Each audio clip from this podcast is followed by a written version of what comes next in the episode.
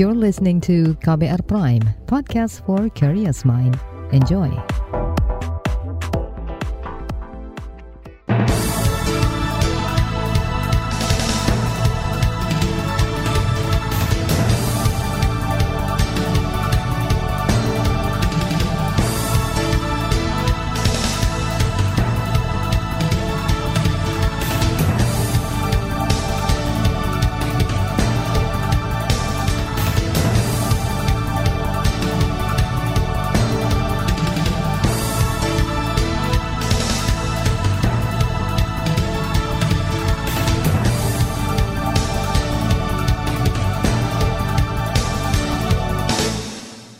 Selamat pagi saudara, senang sekali kami bisa menjumpai Anda kembali melalui program Buletin Pagi KBR, edisi Jumat 8 April 2022 bersama saya Ardi Rusyadi. Sejumlah informasi pilihan telah kami siapkan di antaranya jajaran Menteri pastikan stop bahas isu tiga periode. Pemerintah akan boyong 60 ribu ASN ke Ibu Kota Nusantara. Polda Papua antisipasi serangan balasan KKB. Inilah Buletin Pagi selengkapnya. Terbaru di Buletin Pagi. Saudara Presiden Jokowi menginstruksikan jajarannya untuk tidak lagi membahas masalah perpanjangan masa jabatan presiden. Hal ini ia sampaikan menanggapi polemik tiga periode yang mencuat di masyarakat. Jokowi menegaskan agar para menteri lebih fokus menangani masalah ekonomi yang tengah dihadapi saat ini. Dan jangan menimbulkan polemik di masyarakat, fokus pada bekerja dalam penanganan kesulitan-kesulitan yang kita hadapi. Jangan sampai ada lagi yang menyuarakan lagi mengenai urusan penundaan, urusan perpanjangan.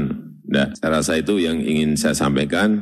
Terima kasih. Itu tadi Presiden Joko Widodo menanggapi hal itu Menteri Koordinator Bidang Kemaritiman dan Investasi Luhut Binsar Panjaitan dan Menteri Koordinator Perekonomian Arlangga Hartarto menegaskan akan mengikuti instruksi Presiden. Luhut dan Erlangga mengatakan tidak akan lagi menanggapi pertanyaan ataupun polemik yang timbul terkait wacana tiga periode tersebut. Selain menghentikan perbincangan terkait isu tiga periode, pemerintah juga mulai mengagendakan kegiatan persiapan pemilu, salah satunya sosialisasi rancangan PKPU, serta tahapan pemilu dan pilkada serentak. Dalam kegiatan sosialisasi tersebut, Sekretaris Ditjen Politik dan Pemerintahan Umum Kemendagri Imran memastikan tidak akan ada penundaan demi demokrasi yang lebih baik terkait dengan pemilu dan pilkada serentak ini, pada bagian akhir kita berharap Indonesia akan semakin kuat di dalam menerapkan sistem presidensil. Kemudian juga kita berharap tentunya ada percepatan pembangunan yang dilaksanakan di seluruh wilayah Indonesia dan konsolidasi demokrasi yang berlangsung itu semakin baik dan menciptakan iklim politik dalam negeri Indonesia itu semakin baik. Sekretaris Ditjen Politik dan Pemerintahan Umum Kemendagri Imran juga mengatakan pemerintah telah menetapkan 14 Juni 2022 sebagai waktu dimulainya tahapan pemilu dan 14 Februari 2024 ditetapkan sebagai Hari Pesta Demokrasi. Sementara itu, anggota Komisi Bidang Pemilu DPR RI fraksi PAN Gus Pardi Gaus menilai ada atau tidaknya isu terkait perpanjangan masa jabatan presiden tidak berpengaruh pada rencana pemilu serentak yang dibahas anggota Dewan. Gus Pardi mengatakan pembahasan rencana pesta demokrasi itu segera diselesaikan agar tidak menambah polemik.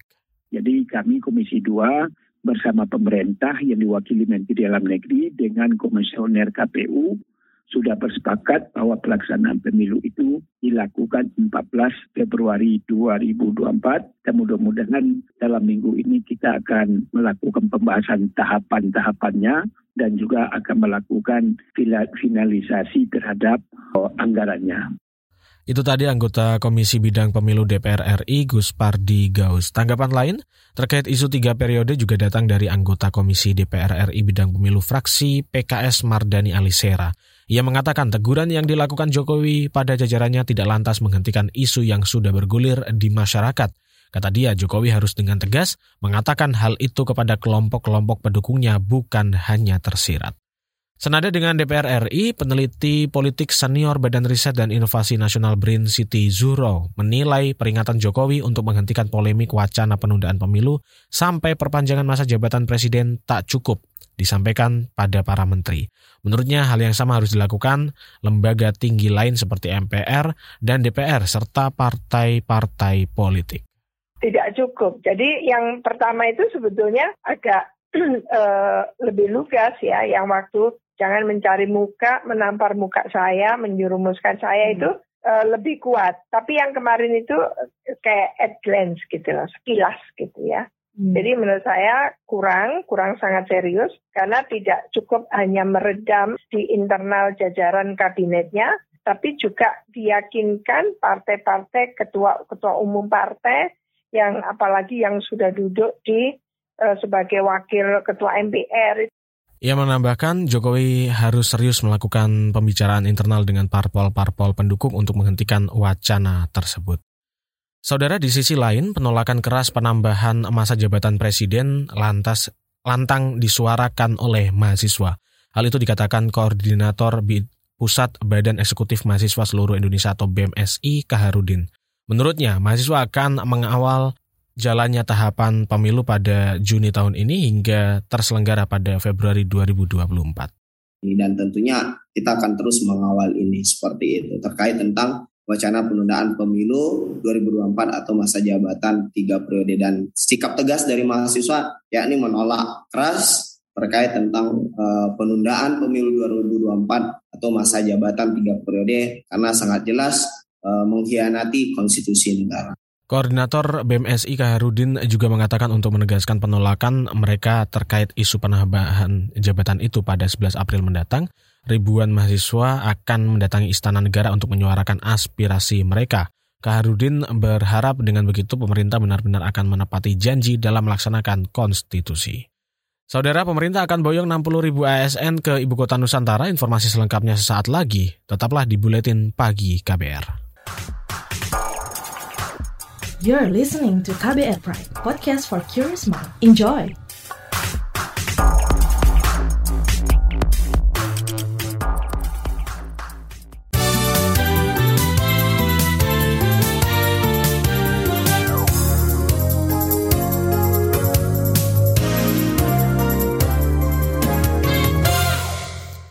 Saudara kami sampaikan informasi selanjutnya, pemerintah menargetkan 60 ribu aparatur sipil negara ASN akan pindah ke ibu kota negara IKN di Penajam Pasir Utara, Kalimantan Timur di awal 2024. Menteri Pendayagunaan Aparatur Negara dan Reformasi Birokrasi Menpan RB Cahyokumolo mengungkapkan pihaknya telah melakukan sejumlah persiapan dan kini menunggu kesiapan infrastruktur oleh Bapenas.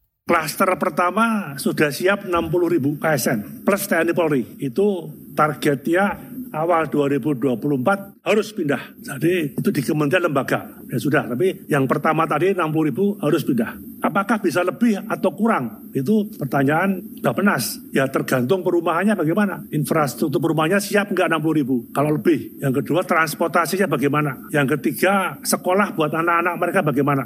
Menpan RB Cahyokumolo yakin pelaksanaan pembangunan akan segera rampung untuk sejumlah infrastruktur utama maupun pendukung bagi ASN yang akan menetap di sana. Sebelumnya, Menteri Pekerjaan Umum dan Perumahan Rakyat PUPR Basuki Hadi Mulyono memastikan pembangunan IKN Nusantara akan dimulai pertengahan tahun ini. Kita beralih ke informasi lain, Menteri Perhubungan Budi Karya Sumadi mengatakan pada masa mudik lebaran Bandara Soekarno-Hatta akan beroperasi 24 jam untuk melayani para pemudik. Kata dia, hal ini dilakukan untuk mengakomodir perjalanan masyarakat lebih nyaman setelah dua tahun dibatasi. Kita tahu bahwa jumlah pesawat itu relatif menurun dibandingkan tahun-tahun sebelumnya. Nah oleh karenanya kita harus kompensasi dengan jumlah masa operasi daripada bandara lebih panjang. Bahkan sudah disampaikan oleh Pak Dirjen Udara 24 jam. Sehingga pesawat-pesawat itu rotasinya lebih banyak. Menteri Perhubungan menambahkan Presiden Jokowi sudah memerintahkan untuk melakukan pengontrolan terhadap keamanan pesawat terbang serta penerapan protokol kesehatan. Sebelumnya, survei Kementerian Perhubungan tahun ini memperkirakan sebanyak 86 juta orang yang akan mudik dan 9 juta di antaranya akan menggunakan transportasi udara. Saudara Polri memastikan tidak akan melakukan penyekatan pada kegiatan mudik lebaran tahun ini. Hal itu disampaikan Kepala Korlantas Polri Firman Santiabudi dalam rapat kerja terkait persiapan mudik di DPR kemarin. Karena perintah dari pimpinan sudah jelas tidak ada penyekatan oleh kami. Kami justru membantu apabila masyarakat yang membutuhkan vaksin. Jadi kami menyiapkan pos-pos pelayanan. Jadi kami tidak uh, ada perintah langsung untuk uh, penyekatan, apalagi menghambat masyarakat di jalan. Namun kalaupun nanti ada indikasi, mungkin sifatnya pelaksanaan hanya uji petik. Karena kami yakin dengan uh, volume yang sedemikian besar, kami tidak akan mengambil resiko terlalu banyak untuk menghambat uh, arus masyarakat yang akan pulang. Selain itu, Kakor Lantas Firman Santia Budi mengatakan Polri akan segera menggelar rapat koordinasi dengan PT Pertamina untuk mengantisipasi ketersediaan BBM di SPBU dan titik peristirahatan atau rest area. Firman menambahkan pihaknya akan membuat skema rekayasa lalu lintas mengantisipasi kemacetan. Beralih ke informasi hukum, pembahasan revisi rancangan Kitab Undang-Undang Hukum Pidana atau RKUHP akan dilakukan pada Juni mendatang. Menurut Kepala Pusat Pembinaan Hukum Nasional Kemenkumham Joko Puji Raharjo, pembahasan dilakukan setelah revisi Undang-Undang Cipta Kerja dan RUU Pembentukan Peraturan Perundang-undangan rampung dibahas. Rencananya RUU KUHP akan dilanjutkan pembahasannya. Informasinya memang kira-kira mulai bulan Juni. Karena DPR sekarang sedang konsentrasi untuk menyelesaikan revisi Undang-Undang Cipta Kerja dan juga revisi Undang-Undang 12 2011. Diharapkan setelah dua undang-undang ini yang menjadi prioritas selesai mungkin baru akan dibahas RUU yang lainnya termasuk adalah RUU KUHP. Kepala Pusat Pembinaan Hukum Nasional Kemenkumham Joko Puji Raharjo berharap RKUHP dapat segera disahkan dan menghasilkan pengaturan hukum yang komprehensif. Nantinya RKUHP akan mengandung banyak pengaturan hukum pidana termasuk menjamin kebebasan beragama dan berkeyakinan bagi masyarakat. Kita ke informasi selanjutnya, juru bicara pemerintah untuk presidensi G20 Maudi Ayunda menyebut isu arsitektur kesehatan global menjadi prioritas selain ekonomi dan keuangan.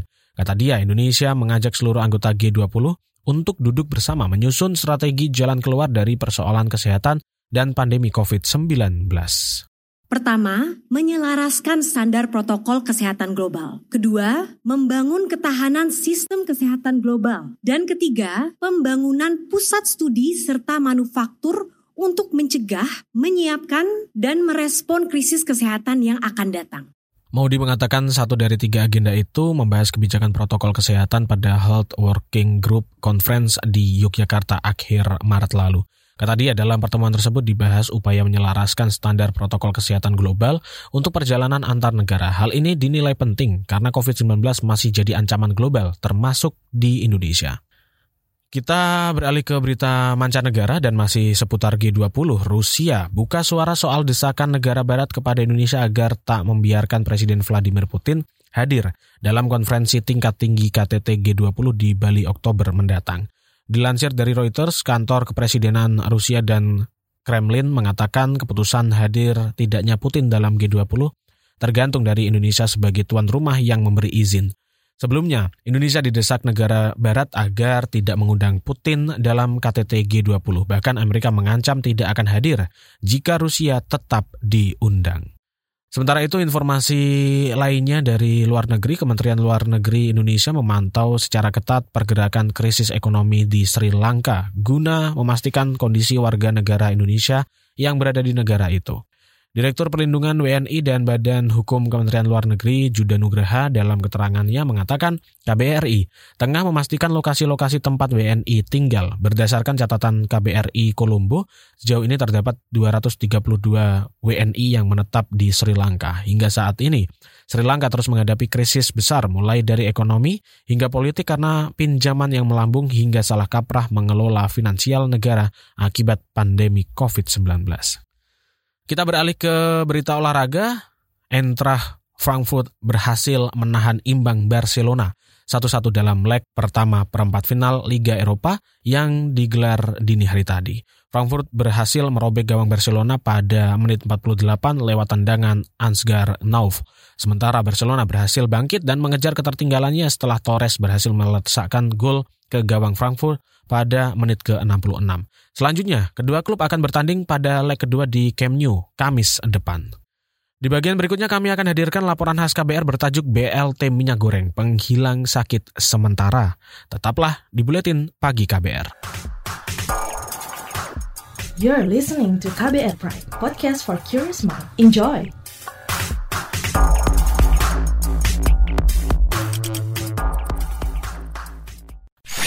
Commercial break. Commercial break. Lo boros. Gue maskulin. Rokok membunuhmu. Rokok menyelamatkan negara. Lo, Lo salah. salah. Perdebatan yang sengit antar keduanya tidak pernah selesai dari zaman kereta roda 3 sampai kereta listrik. Dan inilah debat sebat. Membahas fakta dan mitos yang ada di balik sebungkus rokok. Dengarkan podcast Debat Sebat di KBR Prime, Spotify, dan semua platform mendengarkan podcast lainnya. Diproduksi KBR Prime, podcast for curious minds.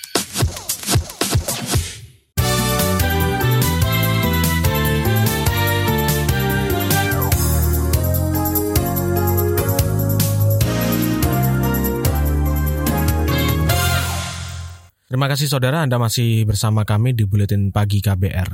Dan kami akan sampaikan informasi selanjutnya. Pemerintah mulai menyalurkan bantuan langsung tunai BLT minyak goreng tujuannya untuk meringankan beban masyarakat karena tingginya harga komoditas tersebut. Kebijakan ini dinanti sekaligus dikritik karena dinilai bukan solusi dari kisruh masyarakat terkait masalah minyak goreng. Selengkapnya, simak laporan yang disusun jurnalis KBR Astri Septiani. Bantuan langsung tunai atau BLT minyak goreng akan diberikan kepada 20-an juta keluarga yang masuk dalam daftar bantuan pangan non-tunai atau BPNT dan program Keluarga Harapan atau PKH. Jokowi memerintahkan bantuan itu bisa disalurkan secepatnya, maksimal seminggu sebelum lebaran. Menurut dia, BLT tersebut sangat dinanti masyarakat syukur dalam minggu-minggu ini sudah bisa sebagian sudah tersalurkan. Bukan apa-apa, mungkin kita tuh nggak merasakan, tapi 300 ribu rupiah bagi rakyat itu pas mau lebaran dapat itu rasanya betul. Saya bisa merasakan betul itu. Senangnya kalau bisa memegang uang itu yang bisa dipakai untuk membeli minyak goreng dan kebutuhan-kebutuhan pokok lainnya. Kemarin, Jokowi juga langsung memberikan BLT minyak goreng sebesar Rp300.000 kepada sejumlah pedagang kecil dan penerima di Pasar Rakyat Angso Duo Baru, Kota Jambi. Kementerian Keuangan menjelaskan skema pemberian bantuan pangan termasuk BLT minyak goreng. Menurut Kepala Badan Kebijakan Fiskal Kementerian Keuangan Febrio Kacaribu, BLT ini bagian dari upaya pemerintah meringankan masyarakat kurang mampu yang kesulitan membeli minyak goreng kita jaga dengan penebalan perlinsos ada BLT pangan 100 ribu per KPM selama tiga bulan jadi totalnya 300 ribu diberikan sekaligus di bulan April ini untuk 20 setengah juta KPM. Febrio mengatakan bantuan akan disalurkan melalui PT Pos Indonesia dan Himpunan Bank Negara kepada penerima manfaat dari program Keluarga Harapan atau PKH. Selain itu, 2,5 juta pedagang kaki lima atau PKL khususnya yang berjualan makanan gorengan juga mendapatkan BLT. Namun, kebijakan BLT minyak goreng menuai kritik dari sejumlah pihak. Anggota Komisi Bidang Perdagangan DPR dari fraksi PKS Amin Aka menilai BLT tak menyelesaikan masalah utama penyebab kelangkaan dan mahalnya harga minyak goreng yang terjadi kan ya ini kan namanya hiburan aja gitu atau pencitraan saja. Kalau yang saya harapkan, saya minta kepada pemerintah kan eh, menyelesaikan krisis minyak goreng ini dari hulunya diselesaikan secara apa komprehensif, sistemik, tentu dimulai dari hulunya, dari sumbernya. Amin mendesak pemerintah segera bertindak mengatasi penyebab utama krisis minyak goreng. Sebab kata dia, hanya pemerintah yang punya kewenangan atau instrumen lengkap dari pusat sampai daerah untuk bisa menuntaskan masalah ini. Fraksi PKS juga akan mengajukan hak angket terkait persoalan minyak goreng. Hal ini dilakukan karena pemerintah dinilai menyerah melawan mafia minyak goreng. Sikap itu terlihat dengan tindakan pemerintah mencabut harga eceran tertinggi dan melepas harga minyak goreng kemasan ke mekanisme pasar. Kebijakan tersebut membuat harga minyak goreng melambung tinggi. Kritik juga datang dari Lembaga Kajian Ekonomi Center of Economic and Law Studies Celios. Direktur Celios Bima Yudhistira menilai, BLT justru akan membuat minyak goreng curah semakin langka. Meskipun orang misalnya dalam kategori miskin, PKH disuruh membeli minyak goreng curah, diberikan bantuan 100 ribu rupiah per bulannya, tetapi yang terjadi adalah antriannya cukup panjang. Jadi sekarang ini bukan masalah mahal atau tidaknya, itu masalah satu. Masalah yang kedua adalah barangnya ada atau tidak. Bahkan untuk minyak goreng curah, karena minyak goreng kemasan disparitasnya sangat jauh dengan minyak goreng curah, maka orang akan berebut berbondong-bondong mengkonsumsi minyak goreng curah. Dan ini bukan hanya terjadi pada rumah tangga, PKL juga seperti itu. Bima menegaskan persoalan minyak goreng tak bisa diselesaikan dengan BLT, tetapi harus dengan perbaikan tata kelola dan penegakan aturan yang tegas dari pemerintah. Bima khawatir, jika diberikan dalam bentuk tunai, bantuan tersebut bisa jadi justru tak dibelikan minyak goreng, melainkan keperluan lain. Sementara itu, manajer riset Sekretariat Nasional Forum Indonesia untuk Transparansi Anggaran atau Seknas Fitra Badiul Hadi meminta Presiden Joko Widodo untuk berani mengganti menterinya yang tak bisa menyelesaikan permasalahan minyak goreng pasca di warning uh, tadi itu terus kemudian uh, presiden kasih deadline waktu. Oke okay, menteri-menteri terkait ya itu tidak mampu bekerja dan kemudian mau diresapel oleh presiden saya kira sah sah saja. Dan itu kan memang hak prerogatif presiden untuk me, apa meresapel uh, menteri-menterinya ya. Tetapi ketika memang melihat kinerja yang buruk ya empat bulan terakhir menangani satu isu saja ini tidak kelar-kelar saya kira uh, sudah layaknya ya presiden mengevaluasi betul dan kemudian bisa memang diperlukan reshuffle ya di reshuffle aja kan kayak gitu. Badiul menilai persoalan minyak goreng seharusnya sudah bisa diselesaikan dalam waktu satu bulan tidak berlarut-larut seperti saat ini. Demikian laporan khas KBR yang disusun dan dibacakan oleh Astri Septiani. Informasi dari berbagai daerah akan hadir usai jeda, tetaplah bersama kami di Buletin Pagi KBR.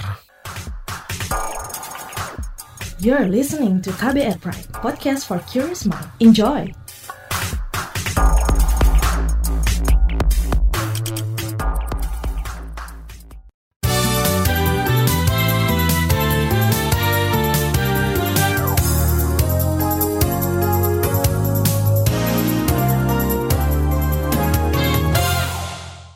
Inilah bagian akhir buletin pagi KBR dan saudara kami sampaikan informasi pertama dari Papua. Polda Papua menginstruksikan lima Polres mewaspadai kemungkinan serangan balasan kelompok bersenjata. Direktur Reserse dan Kriminal Umum di Reskrimum Polda Papua Faizal Ramadhani beralasan pada akhir Maret lalu dua anggota kelompok bersenjata tewas ditembak aparat keamanan. Ia khawatir kelompok itu akan melakukan aksi balasan. Atas perintah Pak Kapolda kita lakukan mapping untuk benar-benar menjaga kota-kota yang ada uh, di lima daerah tersebut dari mulai Sugapa, Ilaga, Kenyam, kemudian juga uh, dan oksigen.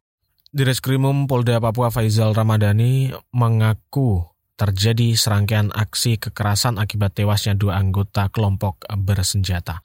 Antara lain di Yalimo, di sana seorang prajurit TNI bersama istrinya dianiaya dan ditembak orang tak dikenal. Sedangkan di Intan Jaya, kelompok bersenjata membakar bangunan sekolah dan menganiaya warga sipil akhir Maret lalu. Kita ke Provinsi Jawa Tengah, ribuan ikan mati di Sungai Serayu, Kecamatan Rawalo, Kabupaten Banyumas, Jawa Tengah pada hari Rabu lalu. Dan ini adalah kematian massal kedua sejak April tahun ini. Ketua Forum Masyarakat Pariwisata Sungai Serayu, Edi Wahyono mengatakan peristiwa ini diakibatkan keruhnya Sungai Serayu yang dipicu flushing lumpur bendungan PLTA Merica Banjarnegara. Ada peristiwa lagi setelah tanggal 1 2. Tanggal 1 2 kan anu kematian ikan. Yang pertama, sing kita masih meraba-raba hmm. siapa gerangan yang berbuat. Tanggal 6 wingi jam esok diurut sama masyarakat. Terjadinya di daerah eh, sana, di daerah hulu. Iya, Edi Wahyono mengungkapkan aktivitas flushing semestinya dikoordinasikan dengan dinas terkait dan tidak bisa dilakukan sembarangan. Pasalnya jika tidak terkontrol dan terukur maka flushing bisa mengancam biota sungai dan bahkan memusnahkannya. Dan jutaan kubik lumpur akan hanyut ke hilir bendungan. Masih dari wilayah Jawa Tengah, Direktorat Lalu Lintas Polda Jawa Tengah akan memasangi 5 speed kamera di beberapa jalan tol Direktur Lalu Lintas Polda Jateng Agus Suryo Nugroho mengatakan pemasangan speed kamera untuk tilang elektronik traffic law enforcement berfungsi untuk menilang secara langsung kendaraan dengan kecepatan tinggi. Lebih lanjut lagi di lantas Polda Jateng, Agus menambahkan sementara ini kecepatan yang diizinkan yakni 60-80 km per jam. Lebih dari itu, pengendara akan terekam CCTV dan terindikasi sebagai pelanggaran melebihi kecepatan. Informasi dari Jawa Tengah tadi menutup jumpa kita di Buletin Pagi hari ini. Pantau juga informasi terbaru melalui kabar baru, situs kbr.id, Twitter kami di akun @beritaKBR, serta podcast di alamat kbrprime.id. Akhirnya saya Ardi Rusyadi bersama tim yang bertugas undur diri. Salam.